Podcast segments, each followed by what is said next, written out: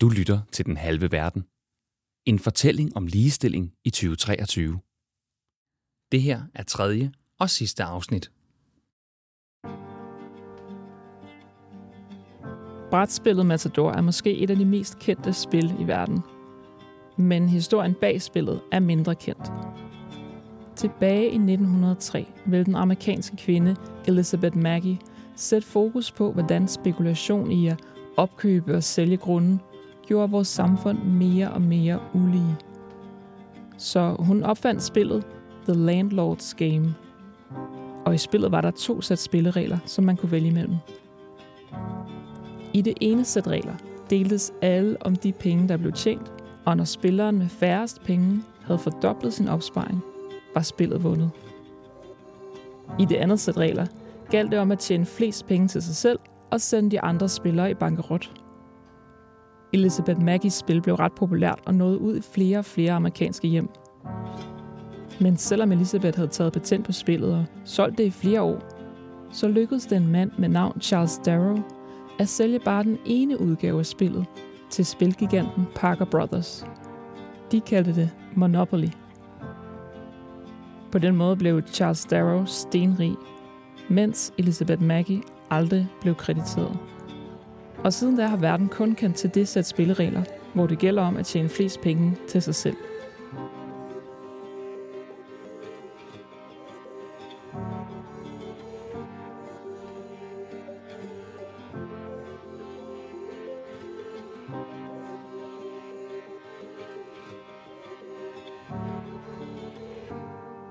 Hvem laver spillereglerne? Og skal vi bare acceptere de regler, som vi spiller efter i dag?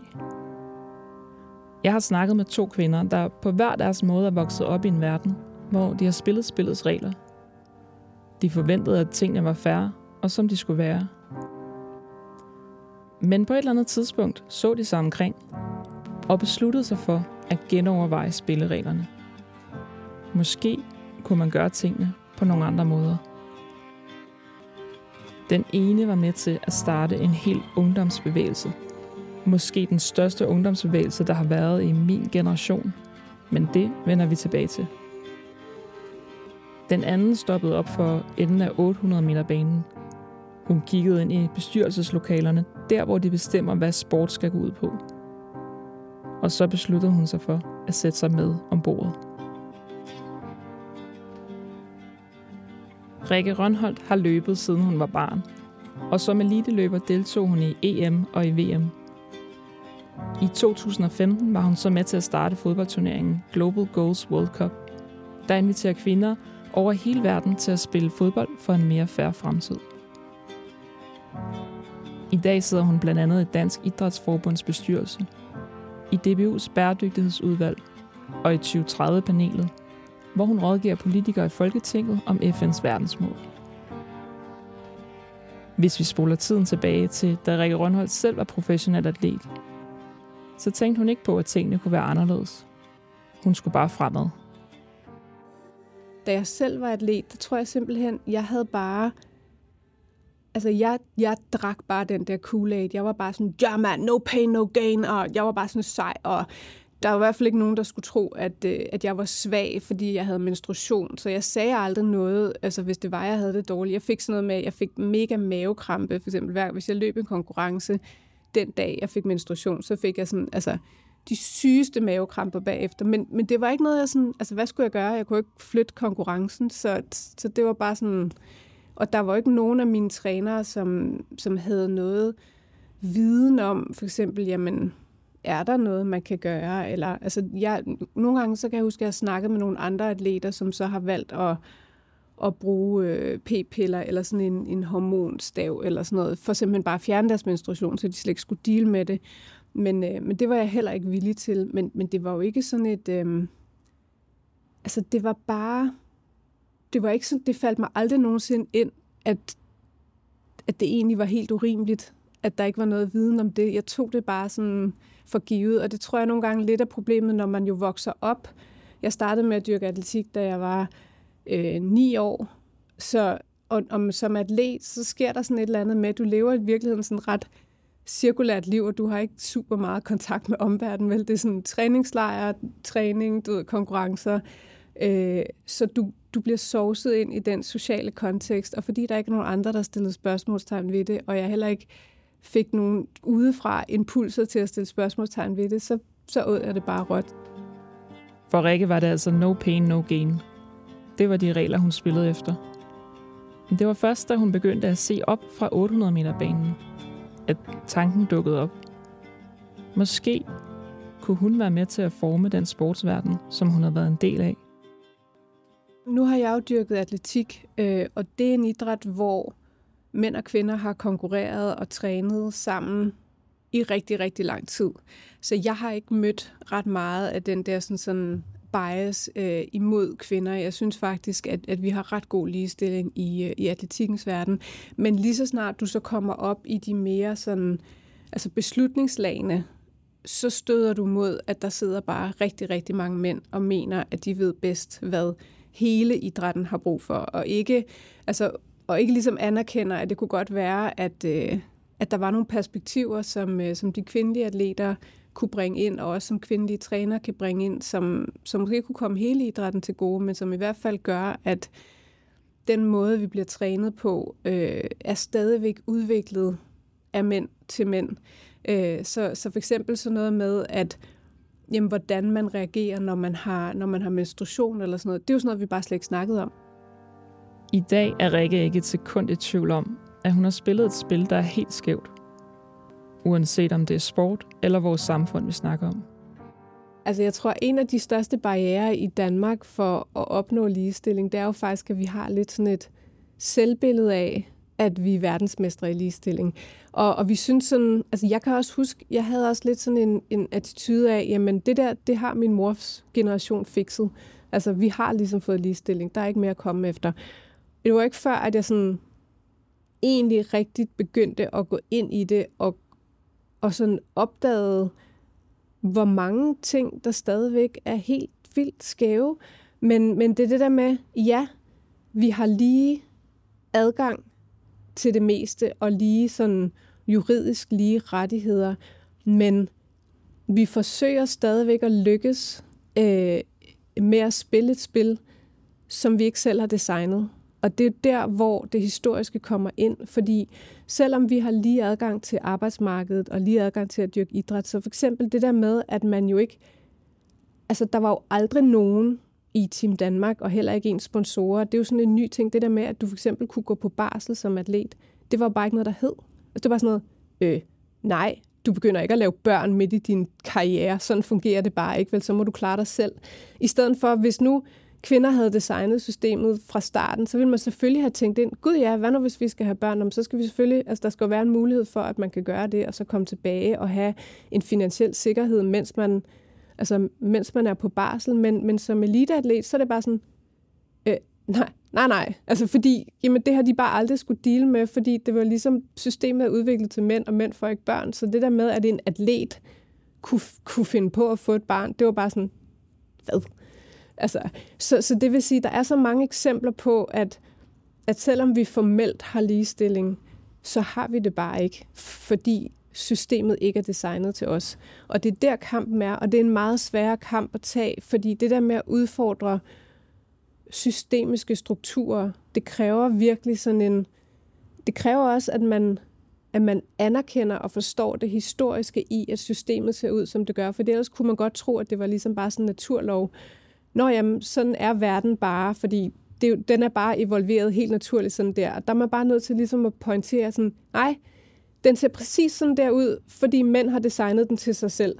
Så hvis vi skal lege her, så er vi også nødt til at have, have lov at have indflydelse på, hvordan vi så rekonfigurerer det her system, så det også passer til os.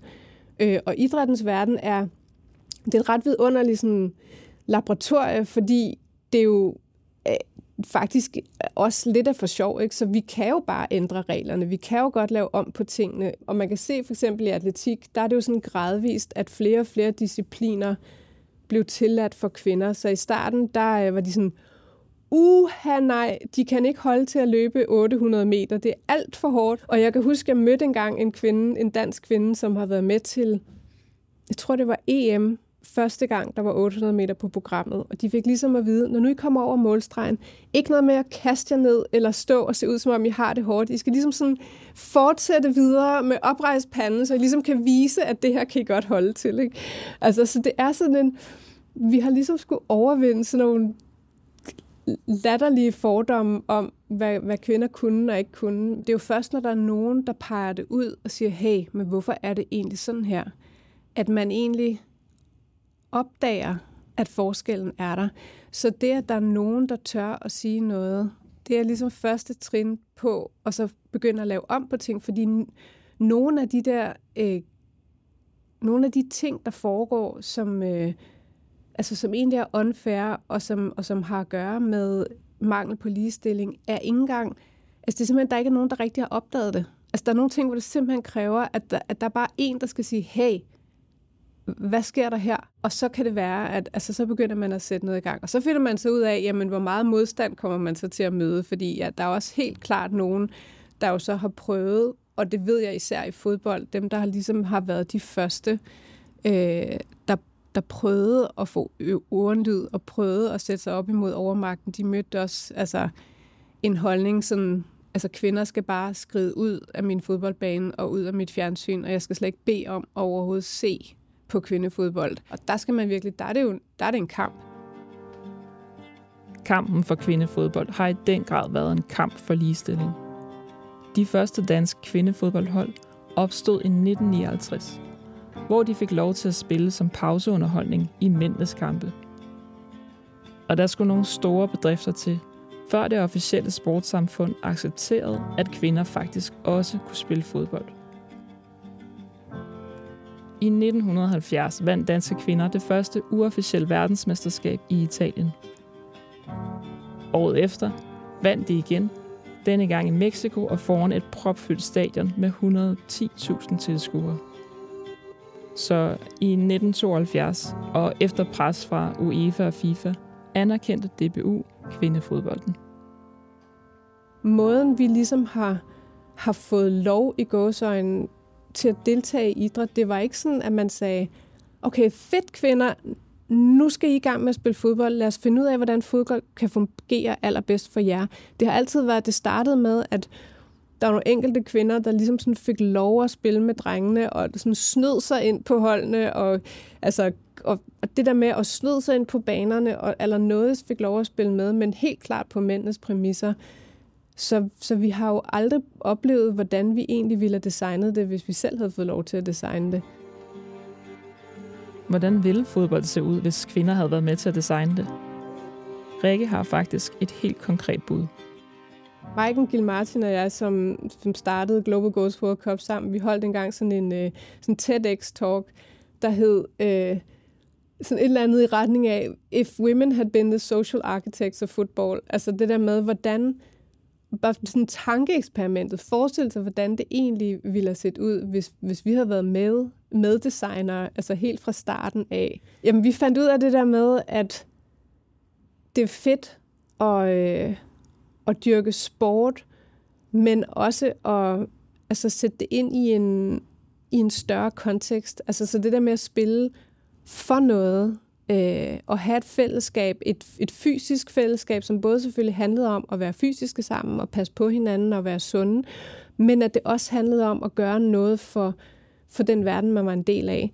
Så, så vi opdagede bare, at rigtig mange af de kvinder, som normalt ville sige, at jeg skal overhovedet ikke have noget med fodbold at gøre, de synes faktisk, det var fedt at være med i vores turnering, fordi at det handlede om mere end bare fodbold. Så, så det, de spillede for, var noget, der var og så nu er vi jo helt inde i, uh, i DBU's øh, payoff der, men det var, det var, de var en del af noget større. Ikke? Altså, de, var faktisk, de kunne faktisk gøre noget, der var, der var noget mere værd. Og så lavede vi, um, så havde vi også sjov med, at at vi sagde, at der skal også være et eller andet element af sådan kreativitet og design, så vi gav dem også point for at, at have de fede uniformer. Så i stedet for, at alle ligesom bare så ens ud, så, øh, så gjorde vi plads til, at man ligesom kunne udtrykke sig selv og finde noget, at spille i, som man, som man synes var fedt, og som også symboliserede dem, dem, man var som hold. En del af noget større. Sådan tænkte engelske kvinder også tilbage i 1920. De arrangerede fodboldkampe, hvor alt overskud gik til velgørenhed.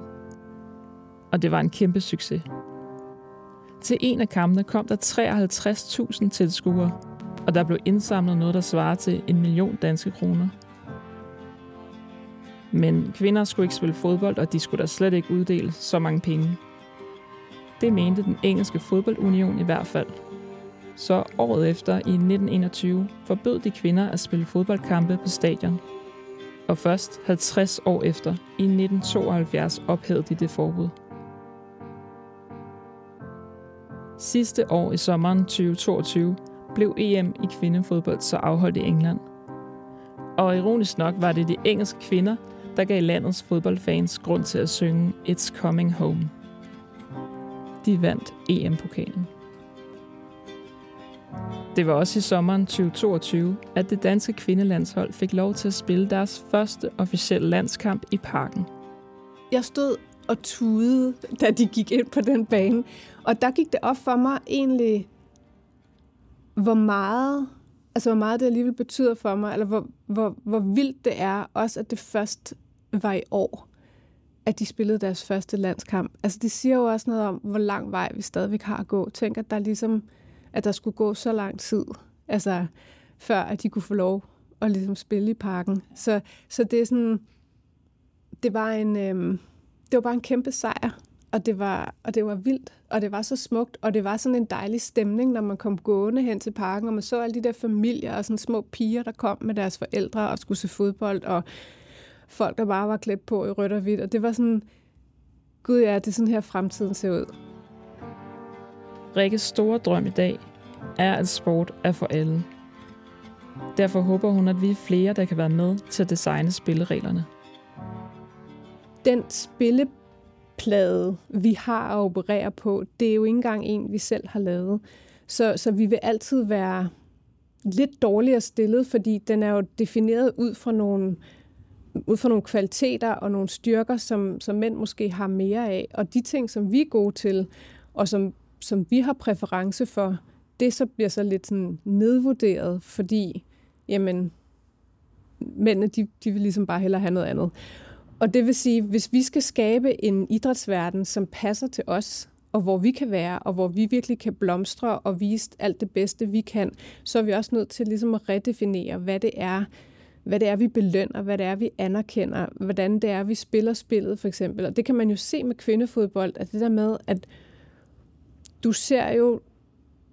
Ej, nu skal jeg, og du skal heller ikke sådan være alt for kategorisk, men du ser bare ikke på samme måde kvinder sådan save hinanden ned øh, på banen, og du ser for eksempel heller ikke fansene til kvindefodbold tyre romerlys ind på banen eller smadre hinanden og sådan noget. Der er sådan en, der er en anden stemning, og det kommer til at handle også mere om, om det tekniske, fordi altså fordi kvinderne heller ikke er helt så fysisk stærke, og de er heller ikke lige så store, så det vil sige, at det er en anden måde at spille spillet på. Og det er jo lidt det samme, der skete med, øh, med håndbold, at der er rigtig mange, som egentlig hellere vil se kvindehåndbold, fordi at, at de der mænd, de er sådan nærmest for store til banen. Altså det er bare sådan et stort slagsmål. De laver ikke andet end bare at vælte hinanden ind på stregen. Så man kan faktisk næsten bedre nyde at se, hvordan kvinderne spiller, fordi der er faktisk plads til mere teknik. Øhm, og det er det, jeg mener med, at når vi rykker ind på det der sportsdomæne, så påvirker vi det også. Men vi påvirker det jo kun i den grad, at vi ligesom får lov til også at tage hele os med, i stedet for at vi, sådan som jeg gjorde, da jeg var atlet, ligesom bare fremelskede de allermest maskuline sider af mig selv, og så ignorerede øh, noget af det andet for, for ligesom at passe ind. Fordi det var, hele tiden, det var det, jeg hele tiden blev belønnet for. Det var der, hvor jeg følte, så kan jeg så kan jeg træne med, så kan jeg ligesom bare være en af drengene.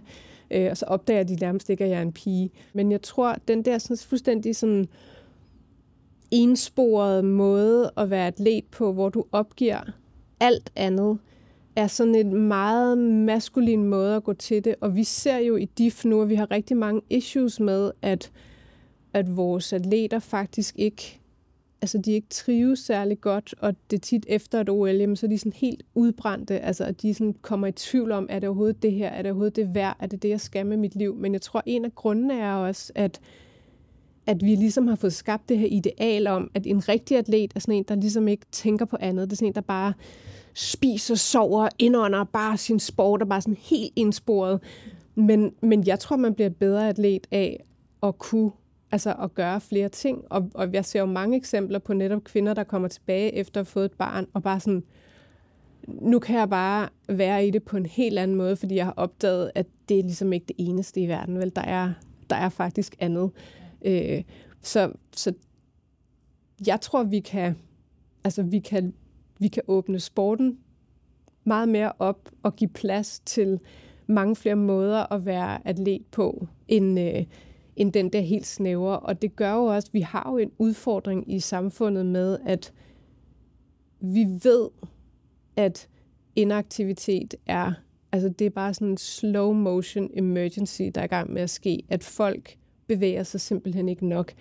Men idrætten har jo et meget ensidigt svar på, hvad bevægelse er som handler meget om, at du skal, du skal ligesom vil konkurrere, og du skal komme tirsdag og torsdag kl. det og det, og du skal sådan, der er sådan en hel masse struktur, som vi lægger ned over, som for nogle er rigtig, rigtig fedt, men for andre bare ikke rigtig fungerer. Så, så vi må også gerne være lidt mere kreative i forhold til, hvordan vi egentlig dyrker idræt. Jeg har, jeg har for eksempel en af mine venner, han arrangerer sådan nogle øh, arkitekturløb, hvor du ligesom løber rundt i byen, og så får du lov at løbe ind igennem bygningerne, og, og bare få ligesom sådan set alle mulige steder, som du normalt måske ikke engang har adgang til. Så det er sådan en, og de tager ikke tid. Det er bare oplevelsen af at løbe igennem din by, og bare se den på en helt ny måde, øh, som folk synes er mega fedt. Hvad skal der til for, at vi er flere, der får lov til at tænke med her? Designe en mere færre spilleplade, og ikke bare i lille skala, men, men også på den store arena? Jeg tror virkelig meget på repræsentation. Altså jeg tror virkelig, at vi er simpelthen nødt til at sidde med om bordet, hvis vi vil lave noget om. Og det er jo en af grundene til, at jeg også stillede op til DIFs bestyrelse, fordi jeg havde det sådan lidt, ah, er det virkelig, altså skal jeg nu til at være sådan idrætspamper, altså skal jeg, magter jeg det her? Men så kom jeg i tanke om, jamen, al den tid, jeg var atlet, Ja, for det første så vidste jeg ikke, hvem der sad i DIFs bestyrelse, og, og dem, der sad, det var sådan primært nogle ældre herrer, som, som jeg ikke på nogen måde følte, jeg, jeg kunne relatere til. Og derfor blev det faktisk vigtigt for mig at sidde i bestyrelsen, for jeg vil gerne have, at hvis der sidder en ung kvinde, og som måske endda har øh, en anden etnicitet end dansk, og kigger på DIF som organisation, og så lige googler deres bestyrelse, og så faktisk siger, gud, der sidder faktisk en, en divers gruppe at prøve at styre den her organisation. Vi er, det, er faktisk, det er faktisk ikke kun gamle hvide mænd, der sidder og styrer det her. Og det vil, det vil give her en følelse af, okay, måske hører jeg alligevel til her. Øh, så derfor synes jeg, det er øh, det der med, at, at man kan spejle sig i, i dem, der tager beslutningerne. Det betyder jo så også, at jeg bringer jo nogle ting på bordet, som, som jeg måske er opmærksom på i kraft af den, jeg er, og den baggrund, jeg har, men også selvfølgelig de kompetencer, jeg har. Så det er jo ikke bare det, at jeg er kvinde, der gør, at jeg bringer noget til DIFs bestyrelse. Det er det, at jeg selv har været eliteatlet, at jeg har arbejdet med, med græsrodsfodbold, jeg har arbejdet med FN's verdensmål, jeg har arbejdet med ligestilling, jeg har arbejdet med bæredygtighed, jeg har arbejdet med diversitet. Det gør jo, at jeg har et, et blik for det, som kan bringe det ind. Derfor har Rikke Rønholdt også en opfordring alle de kvinder, som, som er derude i idrætten, og som elsker idræt, kom, kom nu med om bordet. Altså vær nu med til at, at forme idrætten, så, så den virkelig omfavner hele, altså hele samfundet, os alle sammen, alle dem, der er, som kunne have brug for og kunne have lyst til at dyrke idræt. Fordi det der jo er, der er jo rigtig mange kvinder, der dyrker idræt, der er bare ikke lige så mange kvinder, som er med til at beslutte, hvordan idrætten skal designes, og hvordan den skal drives, og hvad pengene skal bruges til. Og, og det er bare vanvittigt vigtigt, at vi sidder med, fordi vi kan ikke stole på, at der er nogle andre, der kan tage beslutningerne for os, og de kan tage beslutninger, som, som reelt bringer os ind i den fremtid, som vi har brug for. Altså, så, så selvom man nogle gange godt kan tænke, ej, men altså, jeg magter ikke den der bestyrelse, jeg magter ikke at være den eneste kvinde i rummet, jeg magter ikke at, at bruge min tid på det der, men, men jeg vil bare anbefale, altså, og, og jeg tror også, det er sådan noget kvinde noget, at vi har også ligesom lært, at vi ikke, øhm, at vi ikke må række ud efter magten, men det bliver vi nødt til at gøre, fordi ellers så bliver, øhm, så bliver der bare taget nogle lortebeslutninger rundt om os. Og med de ord vil jeg vende tilbage til den anden kvinde, jeg nævnte i starten af episoden. Hende, der var med til at starte en hel ungdomsbevægelse. For det er ikke kun i historiebøgerne, at man kan finde seje kvinder, der rykkede på store ting i samfundet.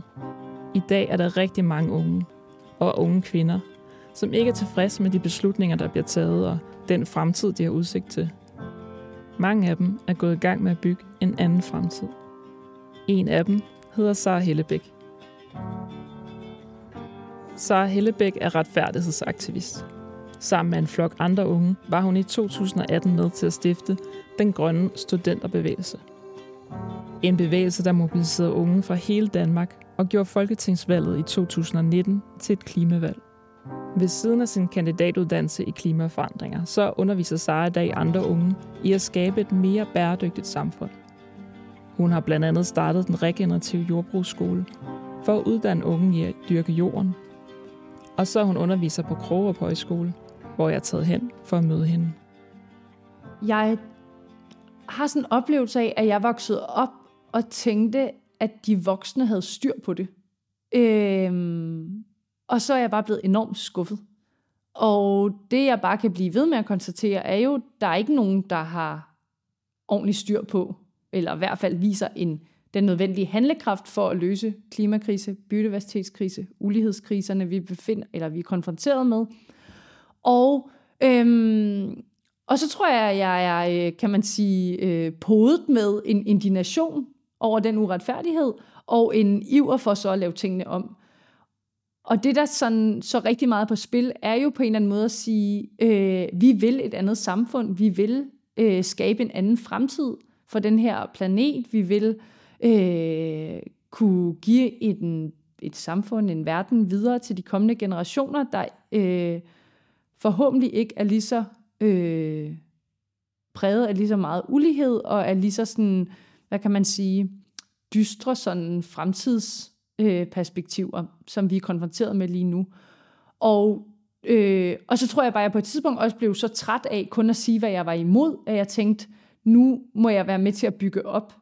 At det er i virkeligheden noget af det mest motiverende, er jo at, kan man sige, bygge det, øh, det den verden op, som man tror på. Og det gør vi jo så meget konkret ved at lade folk komme på højskole og blive inspireret og få, kan man sige, nye idéer. Og ja, så jeg tror bare sådan, hver gang, at der opstår barriere, får jeg bare lyst til at tage en hammer frem og bryde dem ned, men så samtidig også bygge den verden op, som jeg tror skal træde i stedet for. Ikke? For Sara er forandring et fælles projekt. Så man skal altså ikke være et supermenneske for at kunne gøre en forskel. Og det beroliger mig faktisk lidt. Altså, der er jo heller ingen tvivl om, at der er, hvad siger man, lederfigurer eller frontfigurer i bevægelser og i virksomheder og sådan noget, der sætter retning og, øhm, og på den måde spiller en afgørende rolle.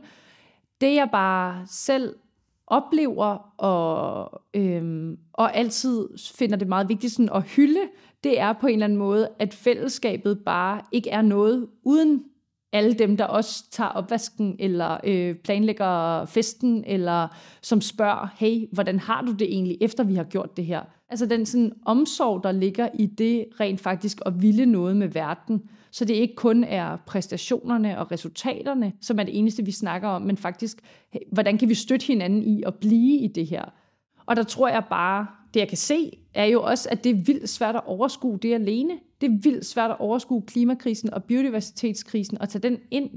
Altså sådan at bære den på egne skuldre er jo en umulighed. Eller sådan, og det er heller ikke rigtigt at pege ansvaret indad. Det er rigtigt at pege på de strukturer, der har, kan man sige, øh, forårsaget, at de her kriser har fået lov at accelerere. Og når, så når vi peger på de strukturer, så må vi jo, kan man sige, kan vi lære af historien og se på de mennesker, der har organiseret sig igennem de sidste mange århundreder, kæmpet for nogle af de ting, vi tager for givet i dag, kvinders stemmeret, borgerrettighederne, og så, siger, og så lære af deres måde at skabe forandring på. Så jeg tror, at der er det jo også rigtigt, vi kan godt hylde Martin Luther Kings tale, men vi kan også godt kigge på den kæmpe bevægelse, der stod bag ham, ikke? og de mange forskellige, kan man sige, mindre fællesskaber, der, øhm, der har sørget for, at folk kunne blive i den kamp. Ikke? Man skal altså hverken være et supermenneske, eller kunne finde på en tale, eller I have a dream. Man skal egentlig bare have lyst til at gøre noget, noget nyt, og så kaste sig ud i det. Altså, man kan blive klogere, men jeg tror, det, der er mest meningsfuldt og håbefuldt, øh, det er i hvert fald min egen oplevelse, det er så snart jeg ligesom gør noget for det.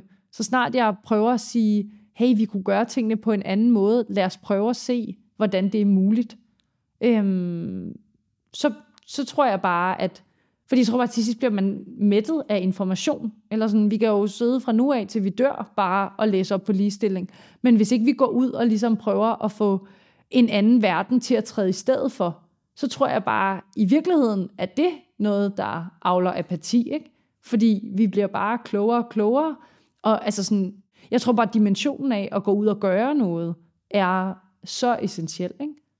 Det er på en eller anden måde et aktivt valg at opsøge de miljøer og bevægelser, der skaber forandring. Og det kan også være mig eller dig.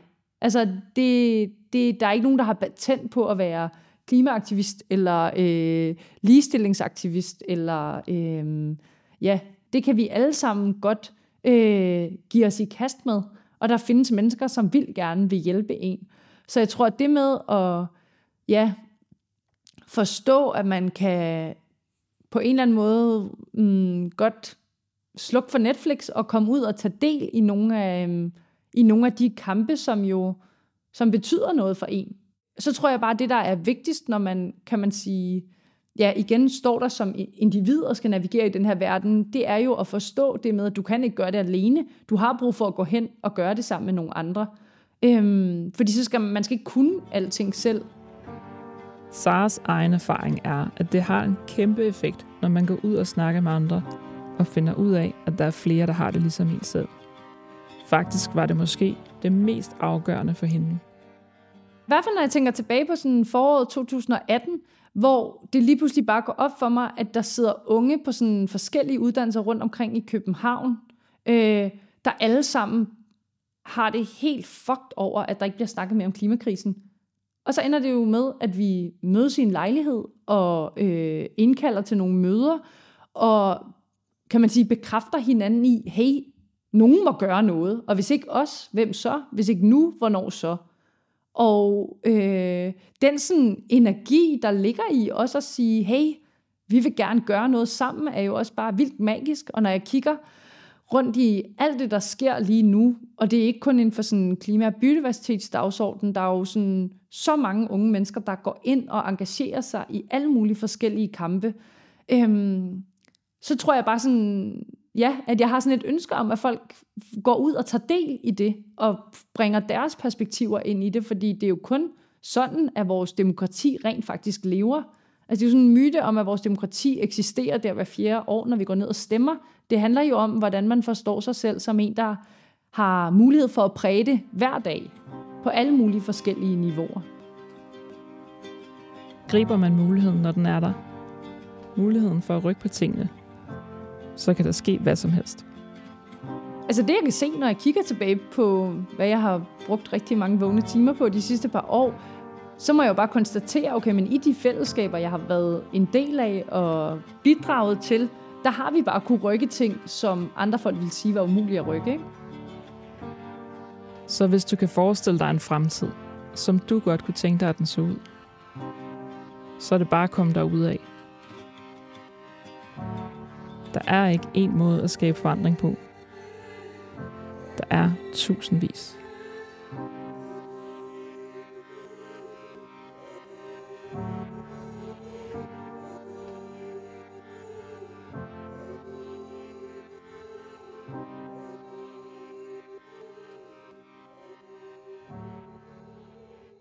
Tak fordi du lyttede med til Den Halve Verden. Podcasten er produceret af Mona Birk Torbensen og er en del af projektet Unge Ambassadører for Beijing plus 30, som FN-forbundet og Kvindernes Ulandsudvalg står bag. Projektet er støttet af Dansk Folkeoplysnings Samråd og Hermod Landungsfond.